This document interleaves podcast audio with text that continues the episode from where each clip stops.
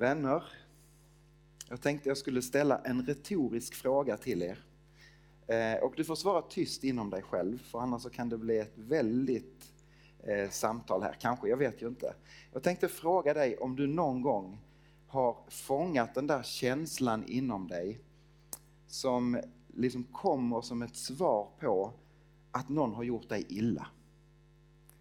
Att någon kanske har liksom gjort någonting så du känner dig orättvist behandlad eller att eh, någon på jobbet har liksom sagt någonting, kanske ljugit ihop någonting så att du liksom har kommit in liksom här reaktion av att ah, det här var inte riktigt rätt minsann. Eller kanske du har varit på idrott, vi pratar ju, Sara pratar om att vad är det vinnande laget? Och för mig blev det bara, jag var mest med i det förlorande laget men någon gång vann jag så jag kände ändå att jag kunde räcka upp handen. Men kanske du har varit på en fotbollsplan eller på någon annan sport, det kvittar kanske, men där någon har gjort dig illa, dratt ner dig liksom snett bakifrån eller vad det nu är och så faller du och så kommer den där känslan av att jag ska minsann och då ge igen. Är det någon som har drabbats av den? Alltså, viftar lite så.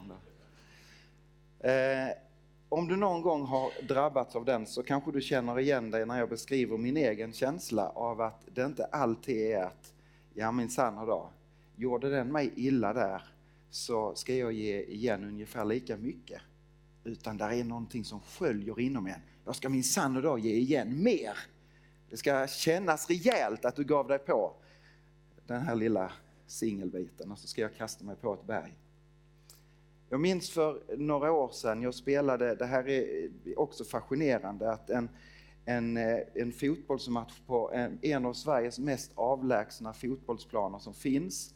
Eh, där kommer eh, två stycken Oldboys-lag in och ska göra upp eh, om en viktig match, tror vi, eh, Oldboys.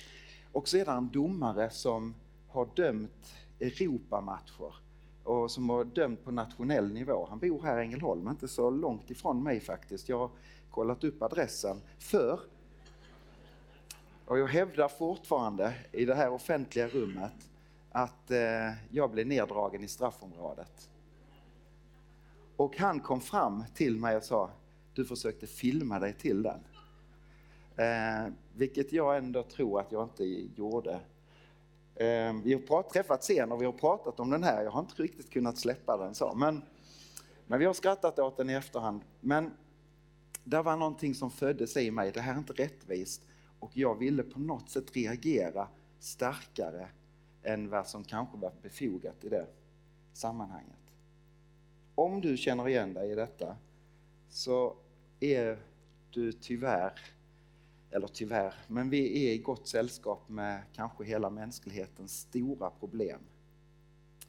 Ett mänsklighetens stora problem som, som har funnits där långa tider, kanske egentligen ända sedan syndafallet. Läser vi i urhistorien i första Mosebok så, så kommer Kain och Abel, sönerna till Adam och Eva som, som eh, kommer i fejd med varandra och har ihjäl varandra, eller inte varandra men den ena har ihjäl den den ena. Och släktingen till Kain, det har gått sex, sju generationer, så beskriver Lemek det så här. Hur han reagerar när någonting går honom illa. Han är också för övrigt den som ställer till det lite grann det här med hur vi ska leva tillsammans. Han tar sig två hustrur, den första liksom steget in i det synsättet. Men han säger så här, Lemek sa till sina hustrur, Ada, tänk att hon hette Ada också, från Göteborg. Nej. Lemek sa till sina hustrur, Ada och Silla, lyssna till mig. Lemiks hustrur, hör mina ord.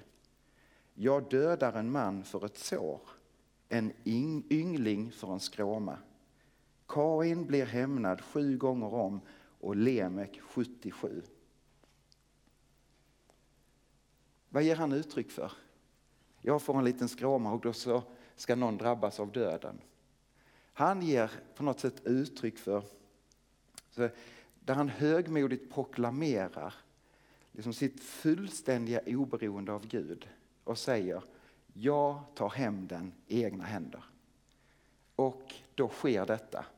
Den här liksom hemska känslan som kan skölja inom oss. Jag ska ge igen mer. Ja, min sann så ska det kosta på. Och så kommer man in i den här våldets spiral. Våld föder våld.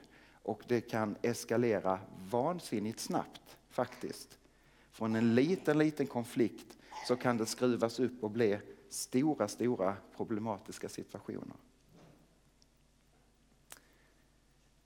När vi nu tar tag i Jesu fortsatta undervisning i bergspredikan så hakar vi i där Karl slutade förra söndagen. Där han började tala om hur Jesus skärper lagen. Och där ska vi haka vid. Karl han tog ju den här undervisningen till helt nya höjder. Ni som var här vet att han klättrade upp på en byggställning och stod där uppe i taket. Jag hörde och såg den här predikan i efterhand. Har du inte sett den så kan du göra det. Lägg då märke till hur han andas när han klättrar upp här. Han bara berättar för mig i veckan och bara han berättar så nu får jag handsvett igen. Han är jätte, jättehöjdrädd. Men han klättrar upp där för att någonstans markera vad lagen vill ge oss. Och så relaterar han till räcket runt om den här lilla vingliga plattan där han stod uppe. Och så sa han, det här räcket ger mig trygghet att vara här uppe. Så kan lagen vara.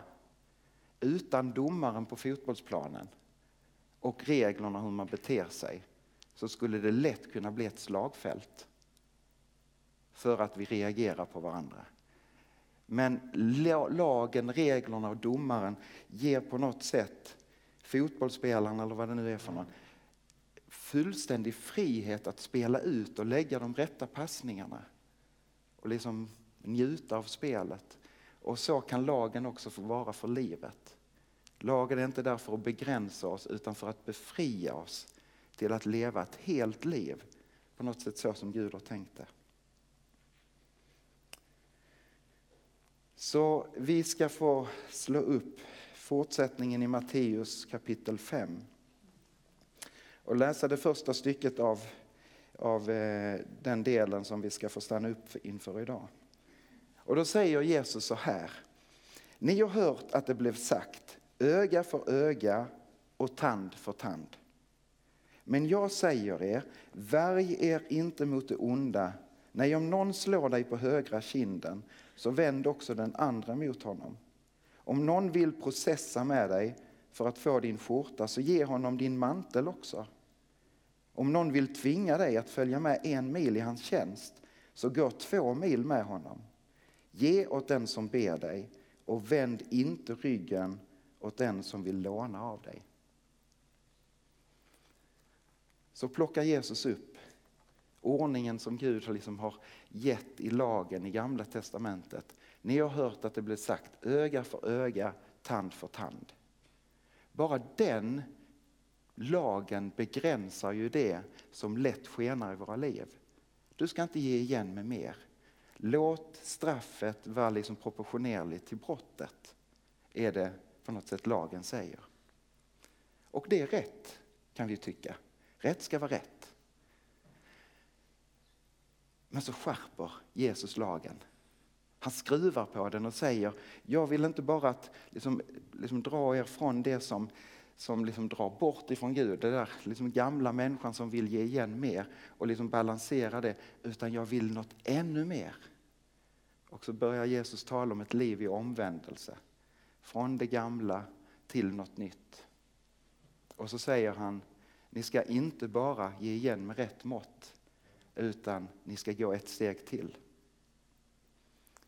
När, eh, han tar ju några exempel om högra kinden. Det handlar inte om att någon liksom ger en liksom liten lusing och sen ska vi vända vänstra till. Den högra kinden står där som en symbol för, för djup förödmjukelse. Det var förödmjukande att liksom få en smäll på högra kinden. Men ge inte igen, utan ha en annan hållning till människorna. Och så tar han också upp det här exemplet om milen. Kanske det är ett begrepp som också används lite sådär av vem som helst utan att tänka på var det kommer ifrån. Gå en extra mil kan man höra. Att ta tag och göra någonting extra. Men det är ju hämtat härifrån. De romerska soldaterna hade på något sätt en praxis och en frihet att säga till vem som helst i de ockuperade länderna att säga nu ska du bära min rustning. Det blev liksom som en rättighet som soldaterna hade. En romersk rustning, den väger mycket. Också när de är på väg till sina olika befästningar där kanske så, så kunde de bara hugga någon och säga du, du bär min rustning. Och så går, liksom hade man sagt att en mil, en romersk mil, en och en halv kilometer ungefär, skulle man bära. Det är den rättigheten som den romerska soldaten tar liksom vara på när man säger till Simon från Kyrene, bär Jesu kors. Och han var, liksom, han var tvungen att ta korset och bära det. Vad tror ni det skulle föda i era hjärtan? Om någon kom och sa, nu ska du bära här. Man kanske var mitt uppe i något annat, man kanske förberedde en fest och så kommer en romersk soldat. Du, kom! Och då måste man lämna allt, på med rustningen och så gå. Ja, vad roligt att jag fick bära rustningen. Eller, oh, om jag hade fått möta den romerska soldaten i en mörk gränd. Anar ni vad som snurrar här inne hos de här människorna? Men då säger Jesus något annat. Du ska gå en mil till. När du nått fram så långt som, som var tänkt att du liksom, här kan du med rätta lägga ner rustningen. Då ska du bara vända dig upp, leende, fromt. Du, jag går en mil till. Jesus han pekar på att han vill dra oss åt ett annat håll än det som formas här på insidan. Och så är det som att Paulus ord i Romarbrevet 12 klingar också Jesu ord här. Låt dig inte besegras av det onda utan besegra det onda med det goda. Vad är det de orden egentligen betyder? Så fortsätter Jesus. Slår vi upp igen, Matteus 5. Och från vers 43 och framåt så säger Jesus så här. Och detta är på något sätt nu så summerar han ihop och liksom börjar liksom summera ihop det här stycket när han har talat om lagen. Och lagen, återkommer vi till sen, sammanfattar Jesus med att du ska älska. Så Jesu ord om att älska. Ni har hört att det blev sagt, du ska älska din nästa och hata din fiende. Bara ett litet stopp där. Jesus citerar först Gamla testamentet och lagen. Det har hört att det blev sagt att du ska älska din nästa. Men det står ingenstans om att du ska älska din fiende i Gamla testamentet. Men däremot så har det blivit en praxis, kanske egentligen ända från syndafallet. Det som Leme kan leva ut och som mänskligheten på något sätt har satt som en praxis att det är lätt att älska mina vänner. Men det är också lätt att tycka illa om sin fiende. Så Jesus han kopplar också till en, en mänsklig praxis på något sätt. Och så vänder han detta rätt. Du ska älska din nästa och hata din fiende. Men jag säger er, älska era fiender och be för dem som förföljer er. Då blir ni er himmelske faders söner. Ty han låter sin sol gå upp över onda och goda och han låter det regna över rättfärdiga och orättfärdiga. Om ni älskar dem som älskar er så ska ni, ha då, ska ni då ha lön för det. Gör inte tullindrivarna likadant. Om ni hälsar vänligt på era bröder och bara på dem, gör ni då något märkvärdigt? Gör inte hedningarna likadant? Var fullkomliga, så som er fader i himlen är fullkomlig. Ja. Tack för det. Barnen har fattat det. Älska din fiende och de som förföljer er. Hur gör man det? Gött. Nu är det någon som ångrar sig. Varför gick jag inte på den gudstjänsten? Jesus han på något sätt knyter ju också an till det som han inleder sin undervisning med i saligprisningarna.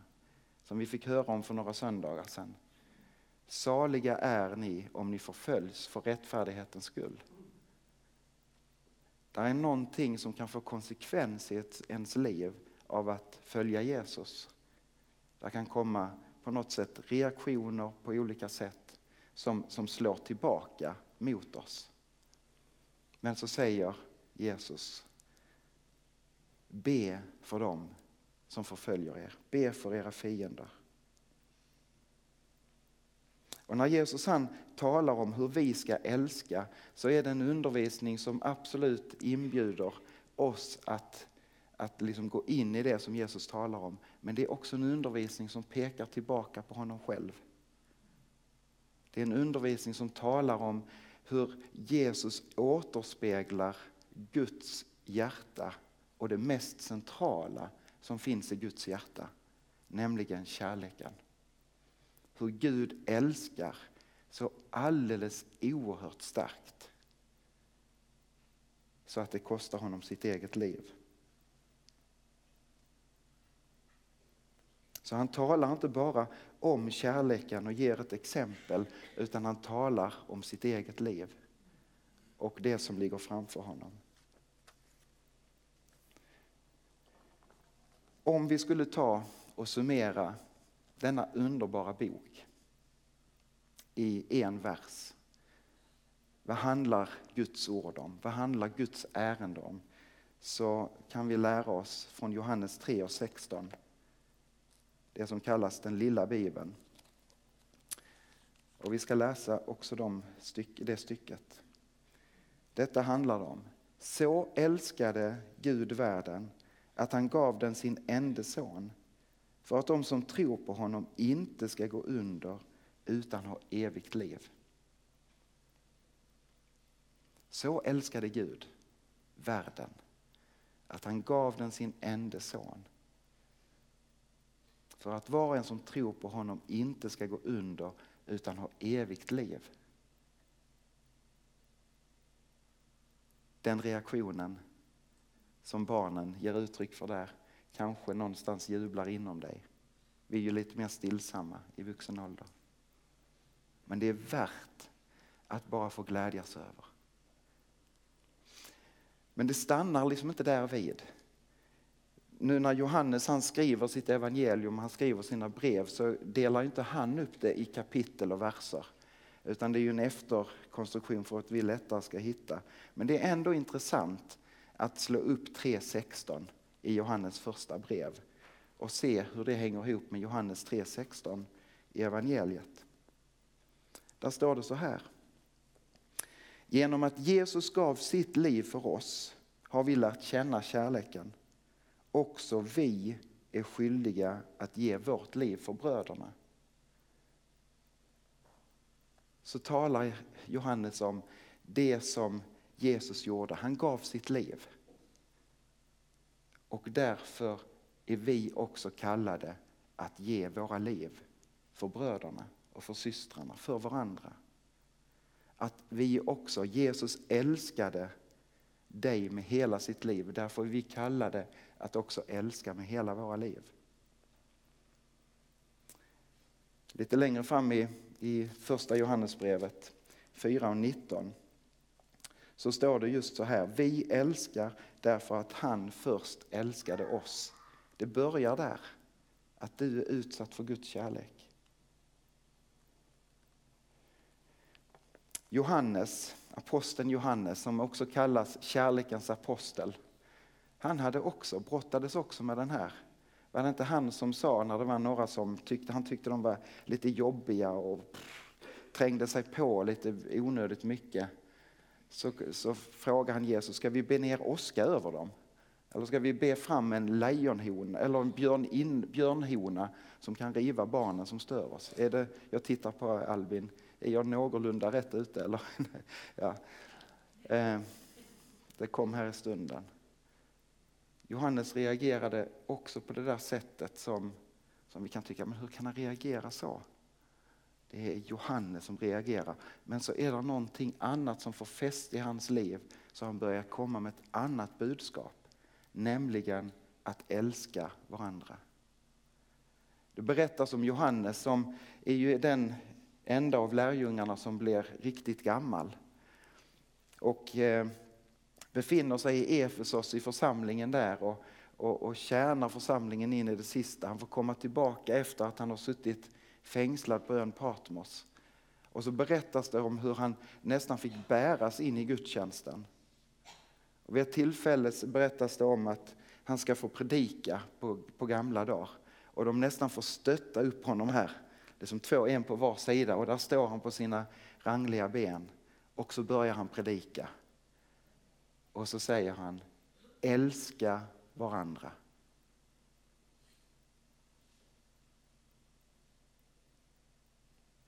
Är det någon i församlingen, men det var ju lite kort. Skulle du inte kunna predika lite till? Jo, säger han. Älska varandra. Sen satte han sig ner. Det var hans predikan. Och någonstans så var det något som hade fått sånt fäste i Johannes liv. Utifrån att han var älskad av Jesus. Han kan ju skriva i evangeliets beskrivning av hur, hur han och Petrus har liksom sprungit till, till graven. Och så beskriver han, Petrus var där och också den lärjunge som Jesus älskade. Säger Johannes då att ja, Jesus älskar inte den andra? Nej, det säger han inte. Men han utgår liksom ifrån sig själv i det avseendet att han, han är så gripen av att han är utsatt för Guds kärlek. Så det har blivit hans identitet. Jag är den som Jesus älskade. Allt annat bleknar på något sätt. Och så kommer hela tiden den här hälsningen till församlingen, till kristenheten och till dig och mig. Älska varandra. Ni kan älska varandra för att ni först är älskade av honom. Ni är utsatta för Guds kärlek. Det är alldeles, alldeles oerhört.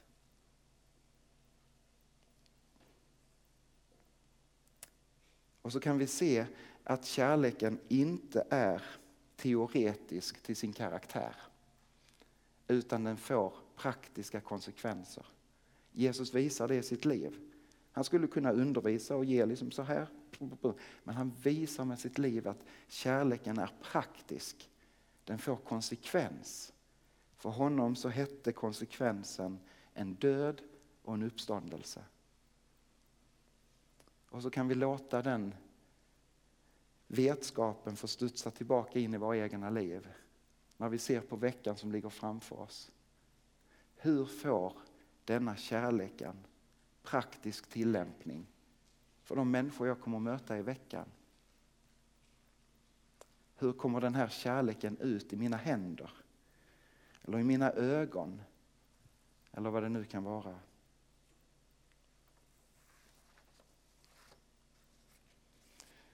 Sen tycker jag det är helt underbart när Jesus han liksom ska avsluta detta stycke som vi bara kan tycka, men hur ska vi kunna älska våra fiender? Hur ska vi kunna, ja, hela den här lagen som han har skärpt. Och så är det nästan som att säga, jo förresten det var en sak till jag kom på. Var fullkomliga, så som er fader i himlen är fullkomlig. Men Jesus vill ju inte säga något som är omöjligt. Utan snarare så vill han liksom säga någonting som drar oss in i vårt rätta tillstånd. Var fullkomlig så som er fader i himlen är fullkomlig. Och jag tror Jesus inbjuder oss att ha liksom rätt riktning i våra liv. Från det där egna som drar åt fel håll och så säger ha ett odelat hjärta för Herren. Och någonstans kan vi också ta del av det som Jesus brukar undervisa om. För så gör han ju med bergspredikan. Så här brukar Jesus undervisa. Det är inte bara en gång han undervisar, utan om och om igen kommer detta. Och om och om igen så summerar han lagen också med de här orden. Vi kan läsa det bland annat i Markus 12 och 29. Där är det en skriftlärd som har hört Jesus diskutera med, med människor runt omkring och han har liksom blivit tagen av det och så så tar den här skriftlärde vägen fram till Jesus med frågan Vilket är det viktigaste budet av alla? Och Jesus svarar Viktigast är detta, hör o Israel, Herren vår Gud är den enda Herren och du ska älska Herren din Gud av hela ditt hjärta, av hela din själ, av hela ditt förstånd av hela din kraft. Sen kommer detta, du ska älska din nästa som dig själv. Något större bud än dessa finns inte. Och Jesus han säger, jag sammanfattar hela lagen med detta. Och i bergspredikan så liksom sammanfattar han lagen med att älska din nästa så som du älskar dig själv och älska Herren av hela ditt hjärta. Var fullkomlig så som er Herre är fullkomlig.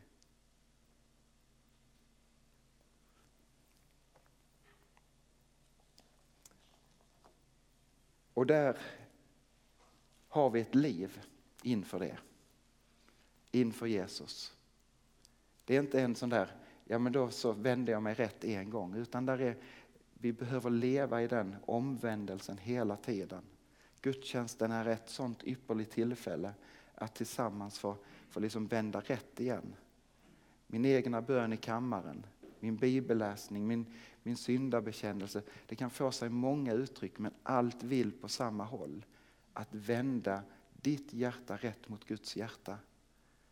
Och låta ditt hjärta präglas av hans hjärta. Så att hans kärlek kan få flöda ut i den här världen. Till de som du möter. Ska vi be tillsammans?